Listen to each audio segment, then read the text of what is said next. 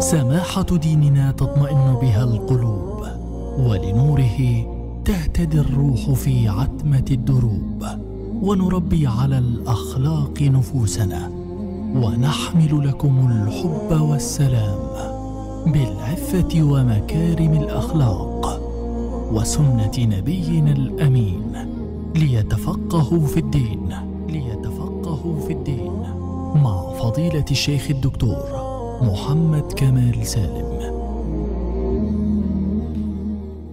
أعوذ بالله من الشيطان الرجيم. بسم الله الرحمن الرحيم. الحمد لله رب العالمين. والصلاة والسلام على سيدنا محمد.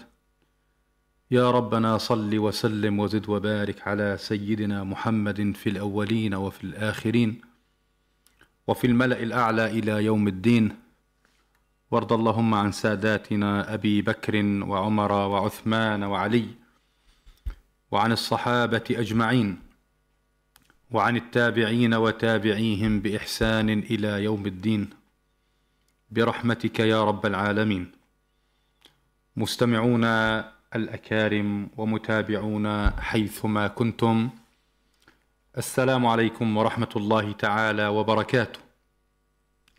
واهلا وسهلا بكم معنا في هذه الحلقة الجديدة من برنامجكم الأسبوعي ليتفقهوا في الدين.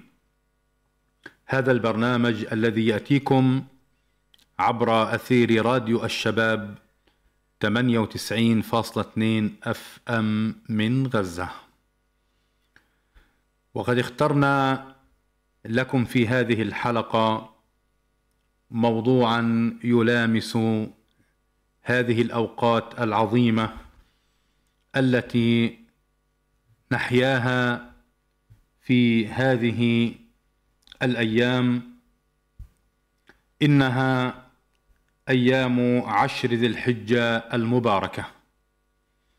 هذه الأيام العظيمة التي خصها الله سبحانه وتعالى بفضائل ومزايا ليست لغيرها من الأيام وهي الأيام المباركات التي شهد شهد لها النبي صلى الله عليه وسلم وفيها تجتمع أمهات العبادات ولا تجتمع في غيرها.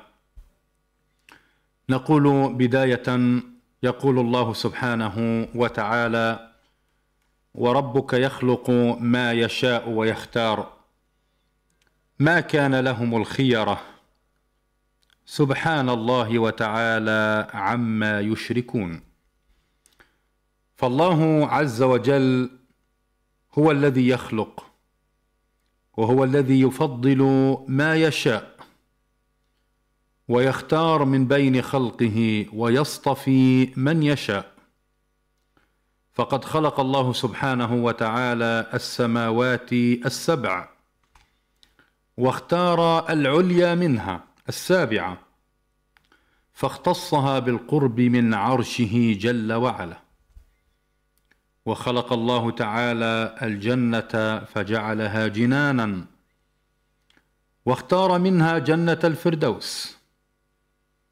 وخلق الله تعالى الملائكة واصطفى منها جبريل وإسرافيل وميكائيل. وخلق الله تعالى البشر واصطفى منهم الأنبياء واصطفى من الأنبياء الرسل واصطفى من الرسل أولي العزم الخمسة نوح وإبراهيم وموسى وعيسى ومحمدا عليهم الصلاة والسلام. واصطفى من أولي العزم الخمسه الخليلين إبراهيم ومحمدا عليهما الصلاة والسلام. ثم اختار ربنا سبحانه وتعالى نبينا محمدا صلى الله عليه وسلم. ففضله على جميع الأنبياء والمرسلين. من آدم عليه السلام إلى محمد عليهما وعلى من بينهما من الأنبياء والمرسلين أفضل الصلاة وأتم التسليم. وخلق الله تعالى اثنا عشر شهرا واصطفى منها شهر رمضان. واصطفى من رمضان ليالي العشر الأخير. واصطفى منها ليلة القدر فهي أفضل الليالي قاطبة. واختار الله سبحانه من النهار العشر الأول من ذي الحجة واصطفى منها يوم عرفة. فهو أفضل الأيام قاطبة على قول جمهور العلماء. فهذه هي عشر ذي الحجة. من فضل الله تعالى على عباده أن جعل لهم مواسم للطاعات. يستكثرون فيها من العمل الصالح. ويتنافسون فيها فيما يقربهم إلى الله عز وجل. والسعيد من اغتنم تلك المواسم ولم يجعلها تمر عليه مرورا عابرا. ومن هذه المواسم الفاضلة عشر ذي الحجة وهي أيام شهد لها النبي صلى الله عليه وسلم.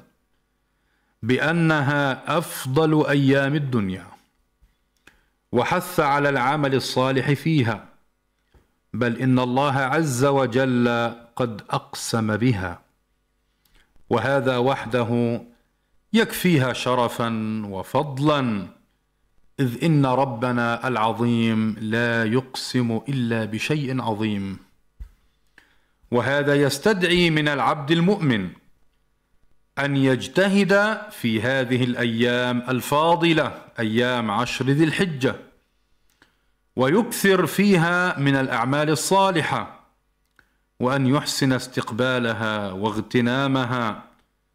وفي هذه الحلقة بإذن الله تعالى من برنامج ليتفقهوا في الدين في بيان لفضل عشر ذي الحجة.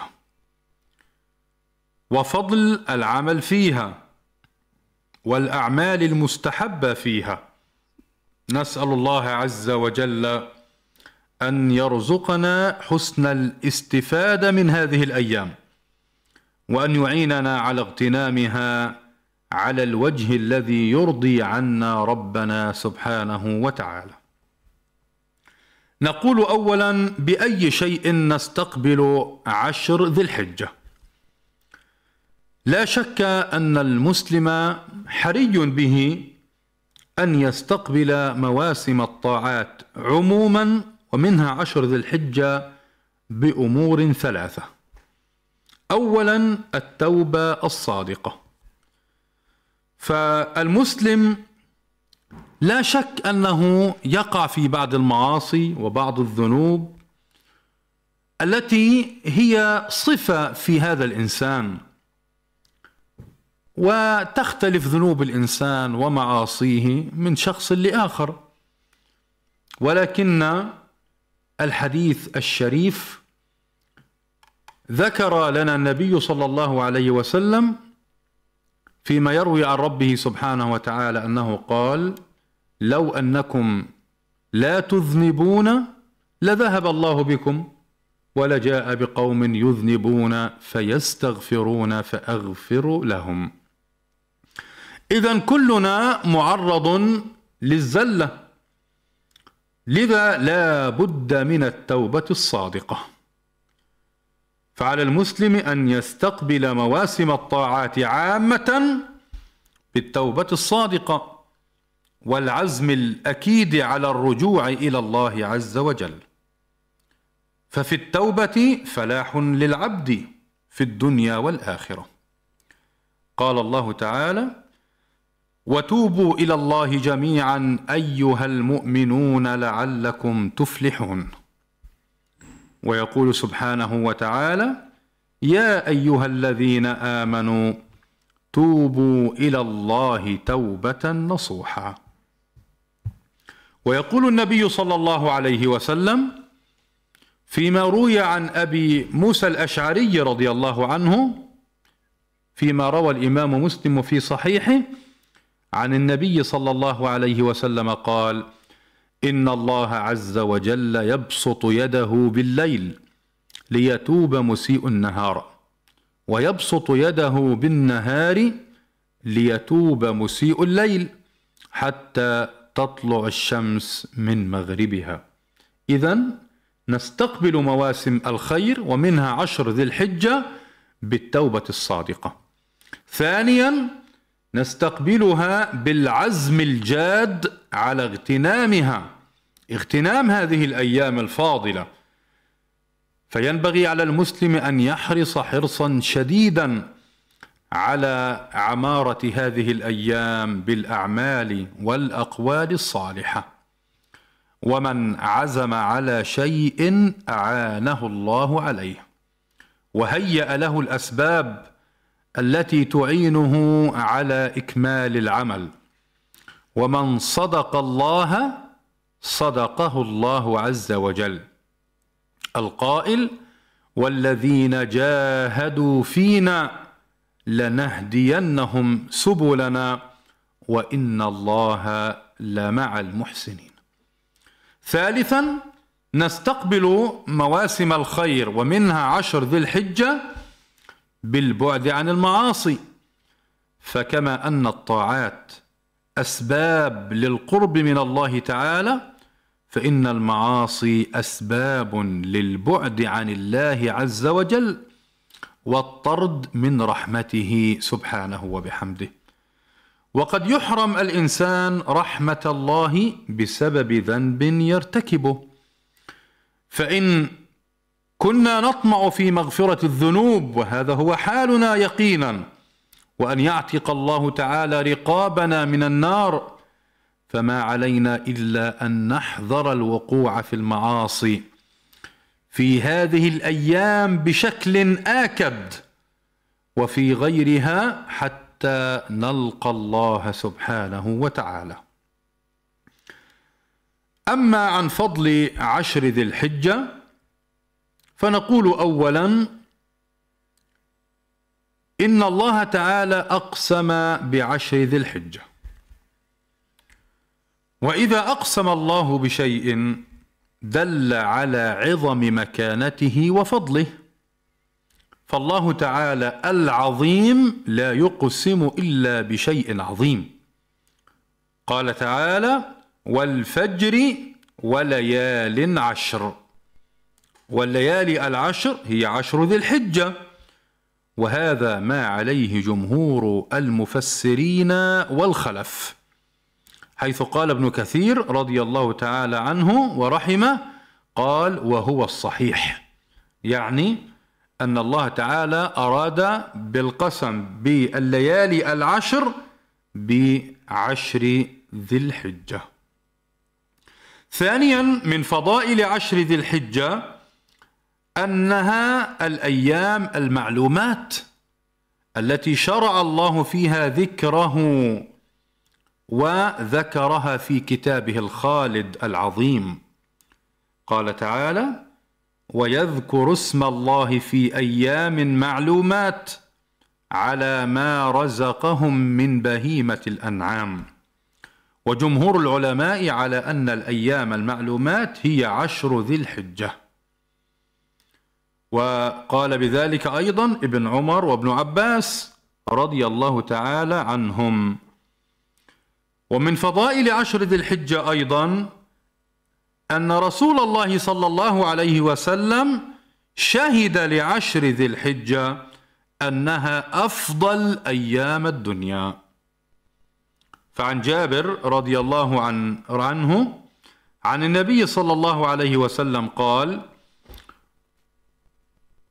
فضل أيام الدنيا أفضل أيام الدنيا أيام العشر. أفضل أيام الدنيا أيام العشر يعني عشر ذي الحجة. قيل ولا مثلهن في سبيل الله يعني ولا مثلهن في الجهاد والقتال في سبيل الله. قال ولا مثلهن في سبيل الله. إلا رجل عفر وجهه بالتراب. كناية عن حاله حينما كان في المعركة فلقي الله تعالى شهيدا فسقط جسده أرضا وارتقت روحه إلى السماوات العلى من فضل عشر ذي الحجة أيضا أن فيها يوم عرفة. ويوم عرفة هو يوم الحج الأكبر وهو يوم مغفرة الذنوب وهو يوم العتق من النيران ولو لم يكن في عشر ذي الحجة. إلا يوم عرفة لكفاها ذلك فضلا. وأيضا من فضائل عشر ذي الحجة أن فيها يوم النحر. وعلى رأي بعض علمائنا أنه أفضل أيام الدنيا لقول النبي صلى الله عليه وسلم أعظم الأيام عند الله يوم النحر ثم يوم القر. يوم النحر هو اليوم العاشر من شهر ذي الحجة وهو يوم عيد الأضحى. ويوم القر هو اليوم الحادي عشر من شهر ذي الحجة وسمي بهذا الاسم لأن الحجيج يستقرون فيه بمنى بعد أداء جل أعمال الحج. وليس آخرا في فضل عشر ذي الحجة أن أمهات العبادة تجتمع في هذه الأيام ولا تجتمع في غيرها. فقد قال الحافظ ابن حجر العسقلاني رحمه الله في كتابه فتح الباري بشرح صحيح البخاري قال والذي يظهر أن السبب في امتياز عشر ذي الحجة لمكان اجتماع أمهات العبادة في هذه الأيام. وهي الصلاة والصيام والصدقة والحج ولا يتأتى ذلك في غير هذه الأيام.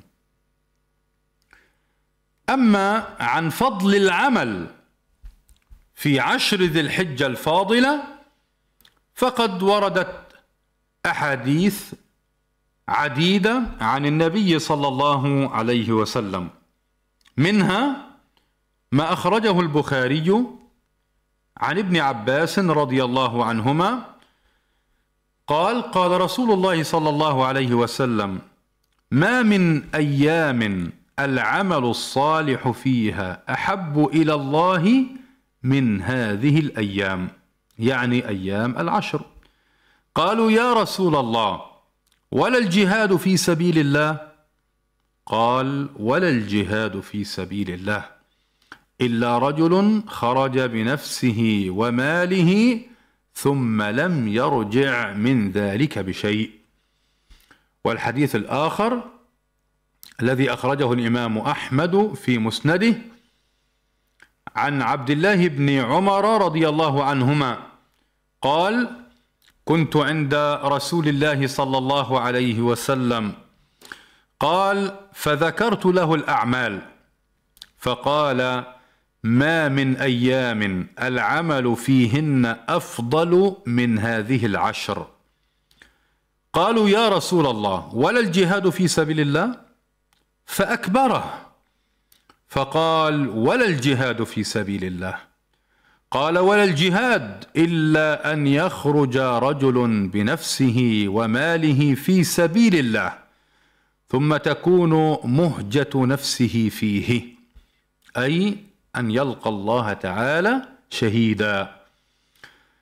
فدل هذان الحديثان وغيرهما على أن كل عمل صالح يقع في أيام عشر ذي الحجة هو أحب إلى الله تعالى من نفسه إذا وقع هذا العمل في غيرها. وإذا كان العمل في هذه الأيام أحب إلى الله فالعمل اذا أفضل عنده سبحانه وتعالى. ودل الحديثان أيضا على أن العامل في هذه العشر أفضل من المجاهد في سبيل الله الذي الذي رجع بنفسه وماله. وأن الأعمال الصالحة في عشر ذي الحجة تضاعف من غير استثناء شيء منها. وهنا نتعرض إلى أبرز الأعمال المستحبة في عشر ذي الحجة. أقول أخي المستمع الكريم إذا تبين لك فضل العمل في عشر ذي الحجة على غيره من الأعمال وأن هذه المواسم نعمة وفضل من الله على عباده وفرصة عظيمة يجب اغتنامها. إذا تبين لك كل هذا فحري بك أن تخص هذه العشر بمزيد عناية واهتمام وأن تحرص على مجاهدة نفسك بالطاعة في هذه الأيام. وأن تكثر من أوجه الخير وأنواع الطاعات. فقد كان هذا هو حال سلفنا الصالح في هذه المواسم وغيرها. نعم ويقول أبو عثمان النهدي رحمه الله أحد علمائنا يقول كانوا يقصد السلف كانوا يعظمون ثلاث عشرات. العشر الأخير من رمضان والعشر الأول من ذي الحجة والعشر الأول من شهر الله المحرم. فما هي الأعمال التي يستحب للمسلم أن يحرص عليها ويكثر منها في هذه الأيام؟ اولا أداء مناسك الحج والعمرة. وهما أفضل ما يعمل في عشر ذي الحجة. ومن يسر الله له حج بيته أو أداء العمرة على الوجه المطلوب فجزاؤه الجنة. قال تعالى الحج أشهر معلومات فمن فرض فيهن الحج فلا رفث ولا فسوق ولا جدال في الحج. وما تفعلوا من خير يعلمه الله وتزودوا فان خير الزاد التقوى واتقون يا اولي الالباب. وقال النبي صلى الله عليه وسلم العمره إلى العمره كفاره لما بينهما والحج المبرور ليس له جزاء الا الجنه. والحج المبرور ايها الإخوة والأخوات هو الحج الموافق لهدي النبي صلى الله عليه وسلم الذي لم يخالطه إثم من رياء أو سمعة أو رفث أو فسوق وهو المحفوف بالصالحات والخيرات. أسأل الله سبحانه وتعالى أن ييسر لكم جميعا حج بيت الله الحرام وأن يتقبل منا ومنكم صالح الأعمال. اذا من أبرز الأعمال التي تعمل في عشر ذي الحجة أداء مناسك الحج والعمرة. ثانيا الصيام. والصيام يدخل في جنس الأعمال الصالحة. بل إن الصيام من أفضل الأعمال الصالحة. وقد أضافه الله إلى نفسه لعظم شأنه وعلو قدره. فقال سبحانه في الحديث القدسي كل عمل ابن آدم له إلا الصوم فإنه لي وأنا أجزي به.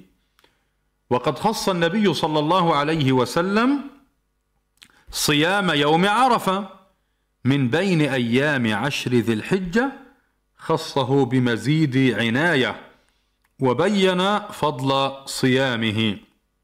فقال عليه الصلاة والسلام صيام يوم عرفة أحتسب على الله أن يكفر السنة التي قبله والسنة التي بعده. الإمام النووي يقول يكفر الله الصغائر فإذا لم تكن صغائر يرجى التخفيف من الكبائر. وهذه نعمة عظيمة من الله سبحانه وتعالى. وعن صيام أيام ذي الحجة الأول من الأول إلى التاسع يقول الإمام النووي رحمه الله عن صيامها بل هي مستحبة استحبابا شديدا لا سيما التاسع منها وهو يوم عرفة. وأيضا من أبرز الأعمال التي نتقرب بها إلى الله تعالى في أيام عشر ذي الحجة الصلاة فهي لا شك من أجل الأعمال وأعظمها فضلا. ولهذا يجب على المسلم المحافظة على الصلاة في أوقاتها مع الجماعة. وعليه أن يكثر من النوافل في هذه الأيام المباركات فإنها من أفضل القربات. وقال النبي صلى الله عليه وسلم فيما يروي عن ربه سبحانه وتعالى وما يزال عبدي يتقرب إلي بالنوافل حتى أحبه. ولا شك أن النصوص الشرعية تضافرت في الحث على صلاة الجماعة وإقامتها في المساجد. ومن ذلك قول النبي صلى الله عليه وسلم فيما أخرج الإمام مسلم قال صلاة الرجل في جماعة تزيد على صلاته في بيته وصلاته في سوقه بضعا وعشرين درجة. وذلك أن أحدهم إذا توضأ فأحسن الوضوء ثم أتى المسجد. لا ينهزه إلا الصلاة لا يريد إلا الصلاة لم يخطو خطوة إلا رفع له بها درجة. وحط عنه بها خطيئة حتى يدخل المسجد. فإذا دخل المسجد كان في الصلاة ما كانت الصلاة هي تحبسه. يعني ما دام الإنسان بينتظر إقامة الصلاة بينتظر الصلاة جالسا ذاكرا يتلو كتاب الله سبحانه وتعالى وهو ينتظر إقامة الصلاة فله الأجر وكأنه في صلاة. وفوق هذا والملائكة يصلون على أحدكم ما دام في مجلسه الذي صلى فيه. حتى بعد الفراغ من الصلاة فإن المسلم حري به أن يتبع هدي النبي صلى الله عليه وسلم في ختم الصلاة فيذكر الله سبحانه وتعالى في دبر الصلوات. يقول سبحان الله ثلاثا وثلاثين والحمد لله ثلاثا وثلاثين والله أكبر ثلاثا وثلاثين فتلك تسعة وتسعون ويكون تمام المئة لا إله إلا الله وحده لا شريك له له الملك وله الحمد وهو على كل شيء قدير. فقد جاء عن النبي صلى الله عليه وسلم في صحيح مسلم أن من قالها دبر كل صلاة غفرت ذنوبه وإن كانت مثل زبد البحر. فالإنسان حتى مع هذه المكرمة فإن الملائكة يصلون على أحدكم ما دام في مجلسه الذي صلى فيه. ومعنى صلاة الملائكة أي أن الملائكة تستغفر له وتدعو له. يقولون اللهم ارحمه اللهم اغفر له اللهم تب عليه. ما لم يؤذ فيه ما لم يحدث فيه. نعم. وأيضا من الأعمال العظيمة التي يجدر بالمسلم أن يأتي بها في عشر ذي الحجة الذكر وعلى رأسه التكبير والتحميد والتهليل. فعن ابن عمر رضي الله عنهما عن النبي صلى الله عليه وسلم قال ما من أيام أعظم عند الله ولا أحب إليه العمل فيهن من هذه الأيام العشر. فاكثروا فيهن من التهليل والتكبير والتحميد. وقال الإمام البخاري رحمه الله كان ابن عمر وأبو هريرة رضي الله عنهما يخرجان إلى السوق في أيام العشر يكبران ويكبر الناس بتكبيرهما. وقال وكان عمر رضي الله عنه يكبر بمنى تلك الأيام وخلف الصلوات وعلى فراشه وفي فسطاطه ومجلسه وممشاه تلك الأيام جميعا. ويستحب للمسلم أن يجهر بالتكبير في هذه الأيام. وأن يرفع صوته بالتكبير وعليه أن يحذر يعني ترك هذه العبادة المستحبة في هذه الأيام الفاضلة. فإذا ما سار في الشارع يقول الله أكبر الله أكبر الله أكبر لا إله إلا الله الله أكبر الله أكبر ولله الحمد. إذا ركب في السيارة إذا سار في السوق ويجهر بهذا التكبير جهرا مناسبا ليس كأنه ينادي على من هو بعيد ولكن حينما يمشي كأنه يحدث نفسه بشيء لو سار بجانبه شخص فإنه يسمع هذا التكبير. ويعني ما جاء في صحيح مسلم أن النبي صلى الله عليه وسلم قال قال أحب الأعمال أحب الكلام إلى الله أحب الكلام إلى الله. سبحان الله والحمد لله ولا إله إلا الله والله أكبر. لا يضرك بأيهن بدأت. فيعني جميل أن نكثر من ذكر الله سبحانه وتعالى عموما ونخص التكبير والتحميد والتهليل. ومن الذكر أيضا أن نكثر من تلاوة القرآن الكريم حاضرا وغيبا واستماعا والمدارسة والتدبر لعلوم القرآن الكريم ونصوصه الشريفة. أيضا مما يجدر بالمسلم أن يأتي به في هذه الأيام الفاضلة في عشر ذي الحجة الصدقة وهي من جملة الأعمال الصالحة. التي يستحب للمسلم أن يكثر منها. ولا شك أن النصوص القرآنية والنبوية كثيرة التي تحث على الصدقة وتبين فضلها. قال سبحانه وبحمده وسارعوا إلى مغفرة من ربكم وجنة عرضها السماوات والأرض أعدت للمتقين الذين ينفقون في السراء والضراء والكاظمين الغيظ والعافين عن الناس والله يحب المحسنين. وقال سبحانه يا أيها الذين آمنوا أنفقوا مما رزقناكم من قبل أن يأتي يوم لا بيع فيه ولا خلة ولا شفاعة والكافرون هم الظالمون. وقال صلى الله عليه وسلم فيما أخرج الإمام مسلم في صحيحه ما نقصت صدقة من مال. ما نقصت صدقة من مال بل إن الله سبحانه وتعالى يزيد ويزيد ويزيد. هذه يعني أبرز الأعمال التي يستحب أن يقوم بها الإنسان المسلم في أيام عشر ذي الحجة. أداء مناسك الحج والعمرة نسأل الله أن ييسر لنا ولكم جميعا حج بيته الحرام. سنوات عديدة وأزمنة مديدة. والصيام ولا سيما في اليوم التاسع هو يوم عرفة. والصلاة أن نحافظ عليها جماعة وأن تكون في بيوت الله سبحانه وتعالى. والتكبير والتحميد والتهليل والذكر عموما والصدقة. ولا شك أن هناك أعمال كثيرة يعني يتقرب بها الإنسان إلى الله سبحانه وتعالى عموما وفي هذه الأيام.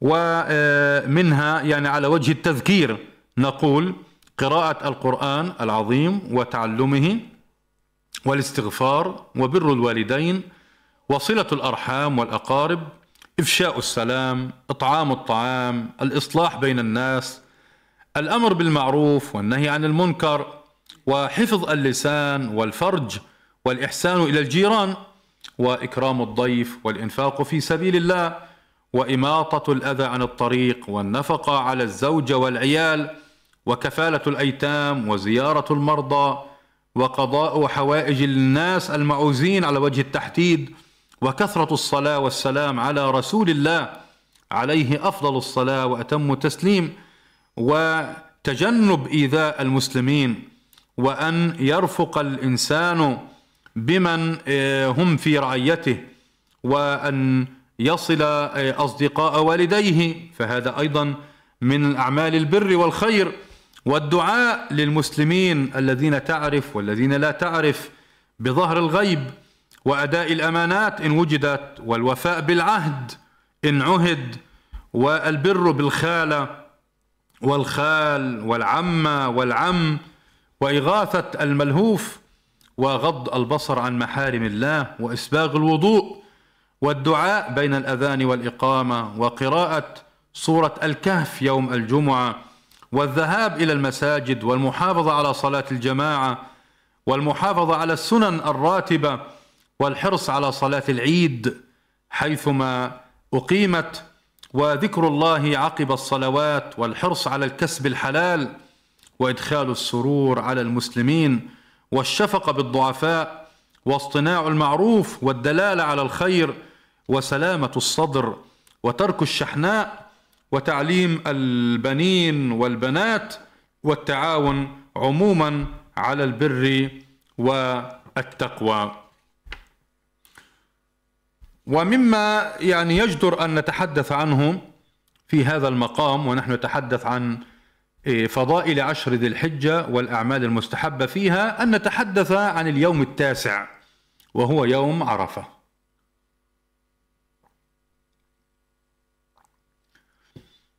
يسمى اليوم التاسع من شهر ذي الحجة بيوم عرفة. وهو الذي يقف فيه الحجاج على صعيد عرفات. وبالنسبة لسبب التسمية يعني لماذا سمي يوم عرفة بهذا الاسم؟ هناك مجموعة من الأقوال. أشهرها قيل عرفة من التعارف. وذلك لأن الناس يجتمعون فيه من كل أصقاع الدنيا ويتعارفون إلى بعضهم البعض لذا سمي يوم عرفة. وقيل عرف من الاعتراف. فلسان حال الحجاج أنهم يعترفون بذنوبهم فيطلبون من الله تعالى أن يغفرها لهم وأن يعفو عنهم. وقيل اسم عرفة مأخوذ من العرف. والعرف يعني الرائحة الزكية. لأن رائحة عرفة تبقى معطرة زكية كأنها يعني تبقى يعني طوال حياة الإنسان يذكر هذا اليوم المبارك وكأنه مسكا وعطرا. نعم اشتمه فبقي أثره في حياة المسلم إلى أن يلقى الله. وقيل في سبب آه، تسمية يوم عرفة بهذا الاسم إن آدم وحواء عليهما السلام لما هبطا من الجنة نزل كل منهما في مكان. ثم اجتمعا وتعارفا في هذا المكان فسمي المكان بعرفة. طبعا المكان أيها المستمعون الأكارم المكان هو عرفات. صعيد عرفات. يعني يوم التاسع اسمه يوم عرفة. لكن المكان اللي بيقف فيه الحجاج اسمه عرفات صعيد عرفات. فعرف للزمان وعرفات للمكان.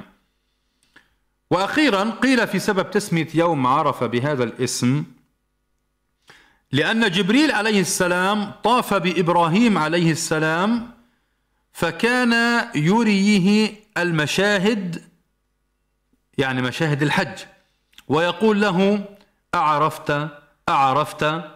فيقول إبراهيم عليه السلام عرفت عرفت. يعني في هذا اليوم التاسع من ذي الحجة كان جبريل عليه السلام يعلم أبانا إبراهيم عليه السلام مناسك الحج. ماذا يعمل؟ فيقول له أعرفت أعرفت فيقول إبراهيم عليه السلام عرفت عرفت فسمي يوم يوم عرفة. ويوم عرفة له العديد من الفضائل وممكن أن نجملها في الآتي.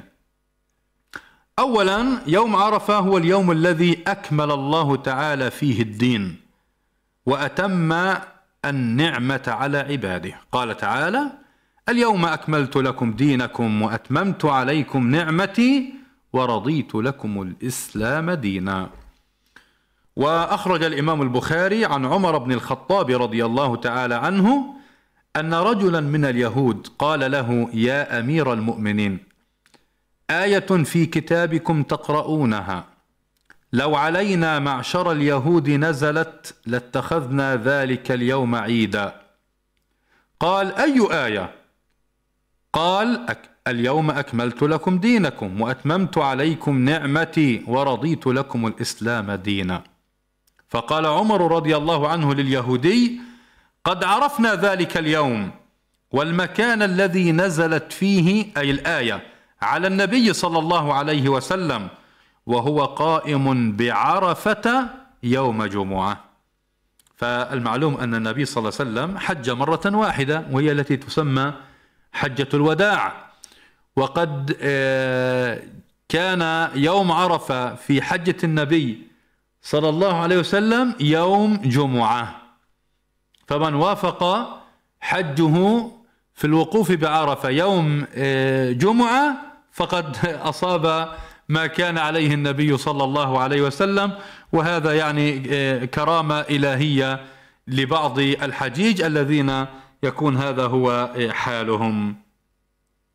ثانيا من فضائل يوم عرفة أن يوم عرفة هو يوم عيد للمسلمين وهو خاص بالحاج. قال صلى الله عليه وسلم إن يوم عرفة ويوم النحر وأيام التشريق عيدنا أهل الإسلام وهن أيام أكل وشرب. ثالثا في يوم عرفة يغفر الله تعالى الذنوب ويتجاوز عنها كما يعد يوم عرفة يوم العتق من النار. وأن الله تعالى يباهي في يوم عرف الملائكة يباهي الملائكة يباهي بالحجاج لحديث عائشة في صحيح مسلم أن النبي صلى الله عليه وسلم قال ما من يوم أكثر من أن يعتق الله فيه عبدا من النار من يوم عرفة. وإنه ليدنو أي الله تعالى ينزل نزولا يليق بجلاله وذاته في وضح النهار. ينزل وإنه ليدنو ثم يباهي بهم الملائكة فيقول ما أراد هؤلاء؟ ومن فضل يوم عرفة أيضا أن الله تعالى أقسم به في أكثر من آية. فقال تعالى والشفع والوتر. فالشفع هو يوم عرفة على رأي بعض أهل العلم.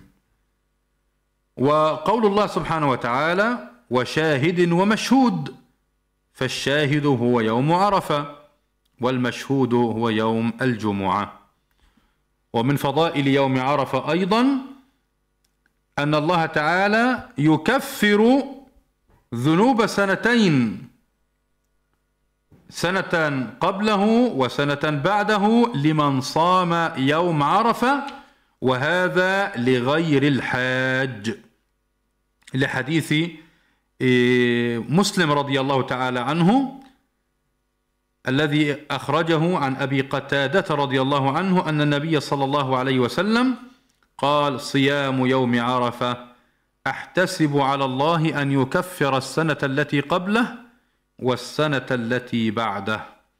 وصيام يوم عاشوراء أحت إني أحتسب على الله أن يكفر السنة التي قبله. ونختم هذه الحلقة من فضائل عشر ذي الحجة والأعمال المستحبة فيها ب بيان فضل اليوم العاشر. من ذي الحجة وهو يوم النحر يوم الأضحى. سمي اليوم العاشر من شهر ذي الحجة بيوم النحر. ولهذا اليوم العديد من الفضائل لما فيه من العبادات والمناسك. وهو يوم الحج الأكبر الوارد بقوله تعالى وأذان من الله ورسوله إلى الناس يوم الحج الأكبر أن الله بريء من المشركين ورسوله. لأن الحج يتم في هذا اليوم وتتم فيه الكثير من مناسك الحج كرمي جمرة العقبة الكبرى والحلق أو التقصير ونحر الهدي وطواف الإفاضة وغير ذلك. وعلى آه، رأي بعض العلماء فإن يوم النحر هو أفضل آه، أيام ذي الحجة حيث يعني تعددت آراء الفقهاء في التفضيل بين يوم النحر ويوم آه، عرفة. فذهب بعضهم إلى أن يوم النحر هو أفضل أيام السنة واستدلوا بحديث النبي صلى الله عليه وسلم أفضل الأيام عند الله يوم النحر ثم يوم القر. ولكن ما عليه جمهور المفسرين وعلمائنا أن أفضل الأيام هو يوم عرفة. مستمعون الأكارم في نهاية هذه الحلقة من برنامجكم ليتفقهوا في الدين الذي يأتيكم عبر أثير راديو الشباب 98.2 أف أم من غزة. نصل إلى نهاية هذه الحلقة. التي كنا قد تحدثنا فيها عن أهم فضائل عشر ذي الحجة والأعمال المستحبة فيها نسأل الله تعالى لنا ولكم وللمسلمين التوفيق والعون للقيام بحق هذه الأيام الفاضلة. نسأله سبحانه وتعالى عاجل الخير لنا وللمسلمين حيثما كانوا وأينما حلوا. نسأله سبحانه وتعالى أن يرزقنا من بركات السماوات والأرض وأن يوفقنا لحسن طاعته وأن يتقبل منا إنه ولي ذلك والقادر عليه على أمل أن نلقاكم في الحلقة القادمة من برنامجكم ليتفقهوا في الدين. عاطر التحايا أقدمها لكم أنا محدثكم الدكتور محمد كمال سالم وصلى الله على نبينا محمد وعلى آله وصحبه ومن والاه وكل عام وأنتم بخير والسلام عليكم ورحمة الله تعالى وبركاته. سماحة ديننا تطمئن بها القلوب ولنوره تهتدي الروح في عتمة الدروب ونربي على الأخلاق نفوسنا. ونحمل لكم الحب والسلام بالعفة ومكارم الأخلاق وسنة نبينا الأمين ليتفقهوا في الدين ليتفقهوا في الدين مع فضيلة الشيخ الدكتور محمد كمال سالم.